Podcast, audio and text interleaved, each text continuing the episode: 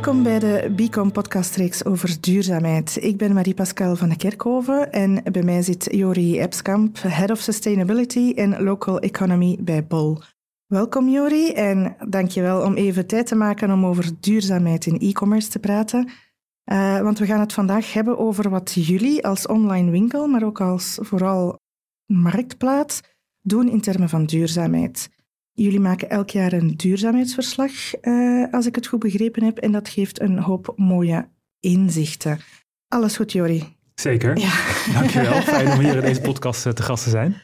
Oké, goed. Uh, jullie zijn dus heel hard bezig met duurzaamheid, heb ik begrepen. Waarom is dit zo belangrijk voor een e-commerce platform? Ja, dus bij ons zit dat denk ik op twee, uh, twee assen, zeg maar. Dus dat zit enerzijds vanuit onszelf, omdat we er werken bij dit bedrijf heel veel relatief jonge mensen die bezig zijn met de wereld om hen heen en met de impact die we maken als uh, um, organisatie via je werk mm. op die omgeving. Dus er zit vanuit het bedrijf zelf een hele harde push op om, om daar stap op te zetten. En we zien zeker de laatste jaren ook dat vanuit klanten natuurlijk steeds meer vragen komen. En dat eigenlijk gewoon de markt verandert en, en, en het inzicht over wat het gedrag als consument, wat jouw gedrag als consument, wat het betekent voor de wereld. En dat vanuit daar klanten ook nou ja, andere behoeften krijgen. En daar willen we natuurlijk hen ook zo goed mogelijk bij, eh, bij helpen. Dus zowel vanuit klanten als vanuit onszelf, vanuit uh, de medewerkers zit daar een uh, nou ja, sterke motivatie om, om ermee de slag te zijn. Ja, Bol is een enorm uitgebreid platform. Wat is duurzaamheid exact voor jullie? Wat houdt dat in? Ja, dus voor ons gaat het ook wederom over twee, eigenlijk twee grote topics. Dus dat enerzijds op wat we zelf doen uh, in ons eigen e-commerce proces. Dus het verpakken, het bezorgen van producten, dat op zo'n goed mogelijke manier doen.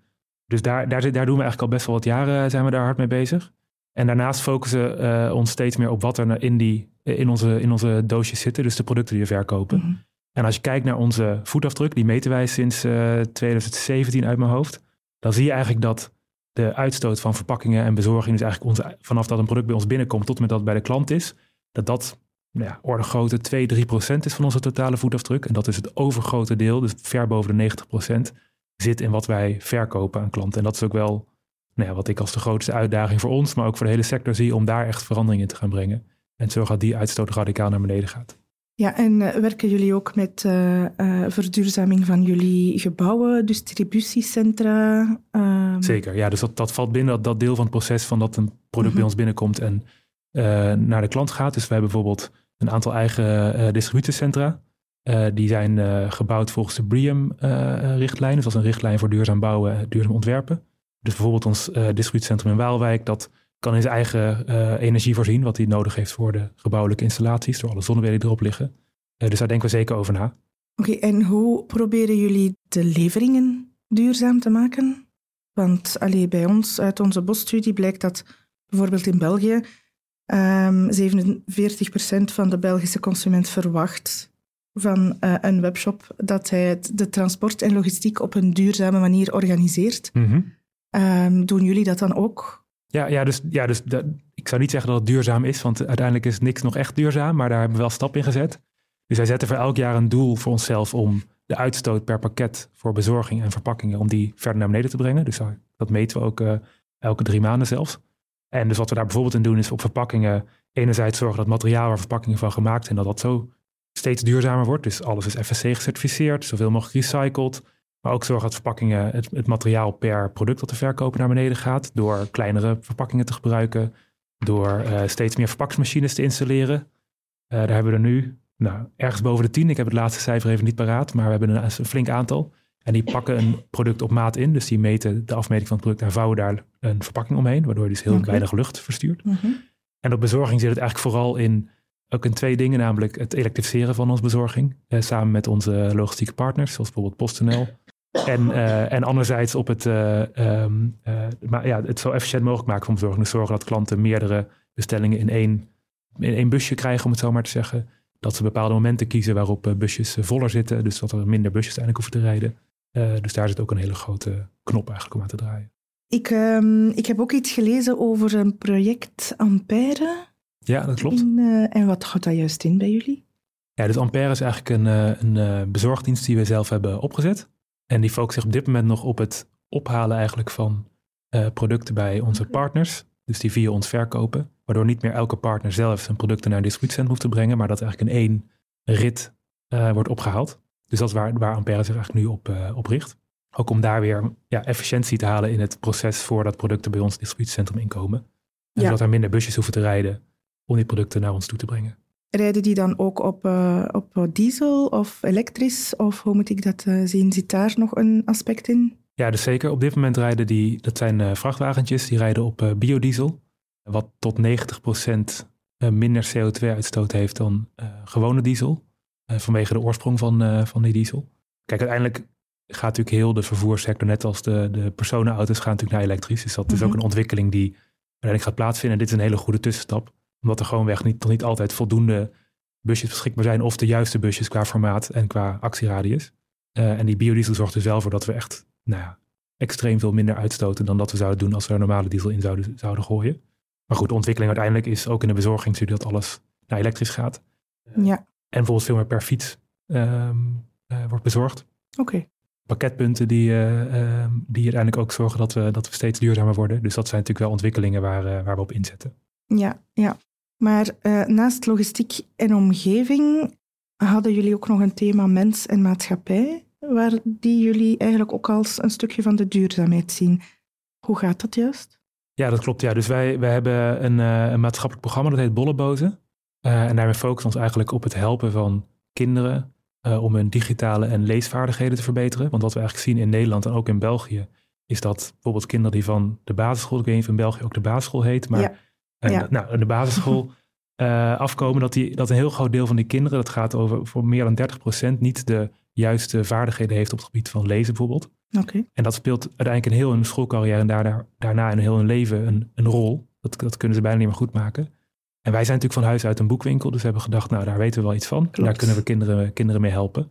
Bijvoorbeeld door uh, zomerspeelboeken te, te, ontwikkelen, dus met uitgeverijen samen, waar kinderen in de zomervakantie nog kunnen oefenen met allerlei, spelenderwijs kunnen oefenen met allerlei taalvormen, waardoor ze niet in de zomervakantie uh, te veel van hun vaardigheden verliezen. We organiseren alle evenementen, ook in België. Vorige week zijn we weer twee of drie dagen geweest. Op verschillende, verschillende scholen gaan we dan langs. Dus zo proberen we daar eigenlijk kinderen te enthousiasmeren voor lezen en, en digitale uh, vaardigheden en dat uiteindelijk te verbeteren bij hen. Oké, dat is een, een, een mooie sociale actie. Hoe zorgen jullie voor een assortiment dat past binnen jullie duurzaamheidsdoelstellingen dan? Ja, dus zoals ik al zei, is, is eigenlijk het assortiment, dus de spullen die wij verkopen, dat is groot, het grootste deel van onze voetafdruk. Dat komt met name omdat spullen als ze gemaakt worden en bijvoorbeeld de materialen die in die spullen zitten uit de mijnen worden gehaald, bij wijze van spreken, daar zit heel veel uitstoot in. Dus dat betekent uiteindelijk dat wij uh, willen dat, we zo, dat het aandeel van duurzamer geproduceerde artikelen, dat dat groeit in onze verkoop. Dus hebben, dat meten we ook elk kwartaal. Daar hebben we ook doelstellingen op om dat uh, te laten groeien uh, elk jaar. En dat doen we eigenlijk op, zou je kunnen zeggen, op twee manieren. Namelijk dat we proberen om duurzaam assortiment aantrekkelijk te maken, om het zichtbaar te maken. Dus we labelen producten die duurzamer zijn dan andere producten op basis van een beleid, wat ook op onze website te vinden is. En vervolgens kun je erop filteren. Dat komt in allerlei campagnes terug. Dat we proberen de zichtbaarheid daarvan heel erg te vergroten. Waardoor dus klanten daar dat meer gaan eh, kiezen. En dan proberen we natuurlijk dat assortiment steeds meer uit te breiden. Waardoor dat uiteindelijk ook nou ja, aantrekkelijker wordt en het, uh, uh, er meer alternatieven beschikbaar komen. En daarnaast zijn we natuurlijk ook al, dit is ook een belangrijke as dat we steeds aan het kijken zijn naar hoe kunnen we zorgen dat producten langer gebruikt worden. Mm dus bijvoorbeeld de, hebben we eerder een campagne gedaan op ja, er zit een buy once assortiment. Dus dat zijn producten die je koopt die in principe een leven lang of in ieder geval heel lang meegaan. Uh, dus om een voorbeeld te noemen, ik heb zelf uh, pannen. Uh, die zijn van uh, plaatstaal gemaakt, hebben geen anti-aanmaklaag. Ja, die, die ga ik, ik heb twee dochters, die ga ik waarschijnlijk kunnen doorgeven aan hen okay. als ik er ooit niet meer ben. Mm -hmm. Want die mhm. gaan heel mijn leven mee. We ook niet elk jaar, elke vijf jaar een nieuwe pan hoeven te kopen als mijn anti-aanmaklaag kapot is. Dus dat soort producten helpen ook uiteindelijk om te zorgen dat we minder uitstoot veroorzaken. En we hebben bijvoorbeeld een tweedehands uh, propositie in boeken. Dus we verkopen heel veel tweedehands boeken. We vragen klanten om een oude telefoon in te leveren. Dus zo zijn we steeds aan bezig ook om te kijken hoe kunnen we zorgen dat de spullen die verkocht worden ook langer gebruikt worden. Of misschien nog een tweede leven krijgen. Ja, want dat brengt mij eigenlijk naadloos naar mijn volgende vraag. Want we horen steeds vaker over uh, circulaire economie en hoe organisaties daar meer en meer naar streven. Mm -hmm. Werken jullie ook aan circulaire initiatieven? Ja, ja dus dat zit bijvoorbeeld op, op wat ik net benoem. Hè, dus ja. tweedehands boeken bijvoorbeeld en, uh, en het uh, inzamelen van uh, oude telefoons.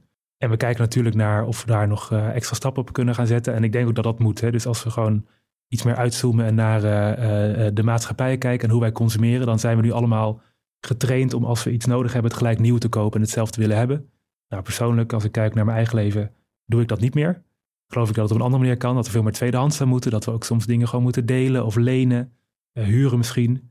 En dat daar eigenlijk de toekomst zit. Dat we uiteindelijk wel nog dezelfde, hetzelfde comfort qua leven kunnen behouden. Maar dat we daar gewoon veel, eigenlijk het aantal spullen van dat comfort loskoppelen. Mm Nou ja, ik doe dat zelf, ben daar best wel een tijdje mee bezig. Ik zit hier natuurlijk op, dit is mijn vak. Dus het is iets waar ik, uh, waar ik ook al vanuit nou ja, vroeger al, uh, al, uh, al heel veel mee bezig ben.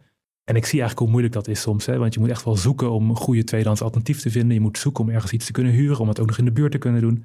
En ik geloof wel dat wij, dat is in ieder geval mijn missie persoonlijk, ook waarom ik het werk, dat wij daar uiteindelijk ook een rol in te spelen hebben om dat echt makkelijk mhm. te maken voor klanten. Dus daar denk ik zeker eh, over na en daar zijn we weer mee bezig. Hebben jullie een, uh, um, hoe, hoe duiden jullie dat aan op het, op het platform online? Dat, uh, dat, hoe kan de consument dat gemakkelijk erkennen dat hij kiest voor iets duurzamers? Is er een label? Is er een filter? Is er een... Ja, beide. Ja, dus we hebben een label. Dat heet letterlijk duurzamer op dit moment, omdat natuurlijk niks is echt duurzaam, maar het is duurzamer. En dan leggen we ook op de productpagina, kun je dan een uitleg vinden waarom dat in dit geval dan zo is. Oké. Uh, er zit een beleid achter, dat is meestal voor het grootste deel gebaseerd op keurmerken, dus productkeurmerken eigenlijk. En wij kijken daarvoor naar keurmerken die goed geschaald worden op, op hoe streng ze gecontroleerd worden en hoe streng de standaarden zijn. En daarnaast hebben we een aantal andere categorieën, bijvoorbeeld samen met Milieu Centraal, dat is een Nederlandse voorlichtingsorganisatie op het gebied van duurzaamheid, uh, kijken naar hoe uh, um, bepaalde producten duurzamer zijn dan andere. Dus een voorbeeld, dat hebben we maar niet samen met Milieu Centraal gedaan, maar dat we bijvoorbeeld producten die voor minimaal uh, uit 50%, uh, voor 50% uit gerecycled materiaal bestaan, die krijgen ook een label. Okay. En dan gaat niet om de verpakking, maar gaat om het product zelf, voor de duidelijkheid. En al die producten krijgen een label en dan kun je dus op de productpagina zien waarom het het label krijgt. En je kunt inderdaad filteren, net zoals je op prijs kunt filteren, kun je ook op het duurzaamheidslabel filteren. Oké. Hoe zie je de toekomst van Bol qua duurzaamheid? Wat zijn de verdere doelstellingen? Ja, dus ik, dus ik denk echt dat wij een, uh, een rol te spelen hebben in het aantrekkelijker maken van het duurzame alternatief. Dus ik denk dat dat echt iets is. Dus dat hebben we eerder ook gedaan, überhaupt voor e-commerce. Dat makkelijk gemaakt en toegankelijk en eigenlijk gedemocratiseerd. Dus de drempels weggehaald. Dat is een rol die wij, uh, wij in uh, Nederland en volgens mij ook in België deels al hebben gespeeld. Ik denk dat we diezelfde rol kunnen spelen op duurzaamheid. Dus door te zorgen dat het voor consumenten makkelijk wordt om een duurzamere keuze te maken als ze iets nodig hebben. En of ze dat dan nieuw kopen of op een andere manier dat product krijgen om te kunnen gebruiken. Uh, maar daar denk ik dat wij echt een hele grote rol te spelen hebben. Want in het algemeen, wat je nu gewoon ziet, ook naar klantonderzoeken kijkend, dat consumenten het heel belangrijk vinden, duurzaamheid, echt in grote aantallen. En dat stijgt ook elk jaar. Alleen tegelijkertijd het, het, het, het handelen zeg maar, ernaar, dat, dat blijft nog een beetje achter. Dat stijgt wel iets, hè, dus en met name in bepaalde categorieën. Bijvoorbeeld tweedehands fashion is nu heel groot aan het worden. Maar over de hele brede linie zie je dat dat nog achterblijft. En mij leert dat dat het, dat het gewoon nog moeilijk is. En dat consumenten gewoon nog niet weten wat is nou duurzaam. En soms door de boom het bos niet zien. En dat is denk ik wat wij kunnen oplossen als, uh, als bol. Ja, ja, klopt inderdaad. Goed, ik heb, uh, ik heb begrepen dat jullie uh, de B Corp certificatie hebben gehaald. Wat betekent dat voor jullie? Ja, dus B Corp is eigenlijk een, een, een standaard voor bedrijven die de, hun impact op mens, maatschappij en natuur willen, willen meenemen in, hun, in hoe zij hun bedrijf inrichten. Dus um, nou, dit is een hele, hele hoge standaard. Dus er zijn allerlei hele aansprekende bedrijven die B Corp zijn. Bijvoorbeeld Patagonia of Tone Chocoloni. Dat is in Nederland een uh, bekend voorbeeld van een uh, impactorganisatie. En dat is eigenlijk een standaard waar je zelf naast kunt leggen. En het, je kunt uiteindelijk 200 punten verdienen. En je moet er minimaal 80 halen om een B Corp te worden. En dat klinkt als heel weinig, 80 van de 200.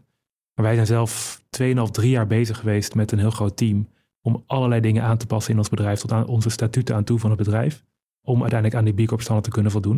En wat we daar eigenlijk mee zeggen is dat wij het belangrijk vinden wat, om, om mee te wegen in uh, hoe wij ons bedrijf inrichten, wat onze impact is op de maatschappij.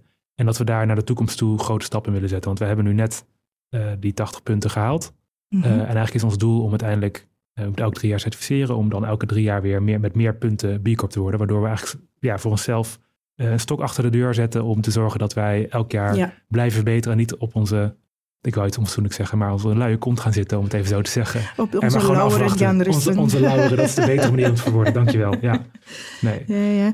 Maar hoe zie je dan um, de rol van partners in die toekomst? Want ja, als je gaat kijken naar jezelf en een certificering halen, dan, uh, dan ik vermoed dat je naar je partners ook wel verwachtingen creëert. Of? Ja, zeker. Ja. Dus ik denk, ik denk dat die, die B certificering zegt natuurlijk dat wij, hoe wij in de wereld staan. Dus dat wij echt belangrijk vinden welke rol wij in de maatschappij spelen. En dat we ook zien dat we daar nog heel veel stappen op te zetten hebben.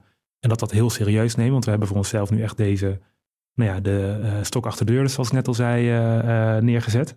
En voor ons spelen partners een enorm belangrijke rol in het helpen verduurzamen van, van consumptie, wat we uiteindelijk willen. namelijk door bijvoorbeeld, doordat partners bijvoorbeeld extra duur, duurzaam assortiment op ons platform aanbieden, waardoor wij dat weer extra zichtbaar kunnen maken en dus daarmee kunnen zorgen dat het totaal aantal producten dat wij verkopen, dat dat steeds meer verduurzaamt. En dat is echt waar partners bij ons een hele belangrijke rol spelen in dat uitbreiden van het duurzaam. En uiteindelijk denk ik ook in het samen met partners uh, leren van de lessen die wij trekken uit bijvoorbeeld uh, experimenten die wij doen op, op verpakkingen en op bezorging.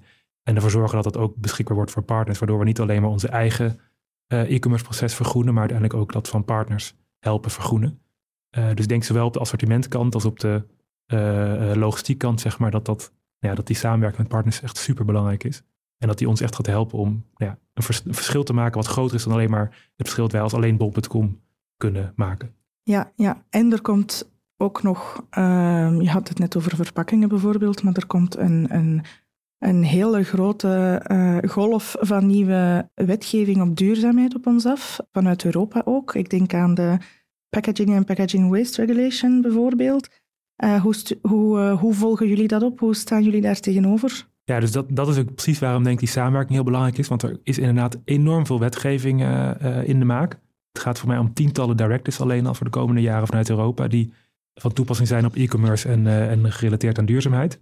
En eigenlijk weten we uh, weet, weet, niemand weet precies hoe je dat allemaal uh, kunt gaan implementeren. Dus daar hebben we echt elkaar bij nodig. Hè? Dus dat, dat ja. komt weer terug bij het vorige punt. En wat ik denk, wat ik eigenlijk zie, is dat natuurlijk. Dus voor ons de impact is dat er enerzijds een wetgeving is die uh, zorgt dat wij, um, of die voorschrijft hoe wij in ons eigen proces moeten verduurzamen. Dus op die verpakking inderdaad bijvoorbeeld, dat is daar een voorbeeld van. Daar zijn we denk ik al aardigheid mee op weg. Dus daar heb ik wel vertrouwen in dat we daar ook een eind aan kunnen voldoen. Maar anderzijds zie je ook heel veel wetgeving meer op de productkant. Dus bijvoorbeeld verlengde garanties, right to repair.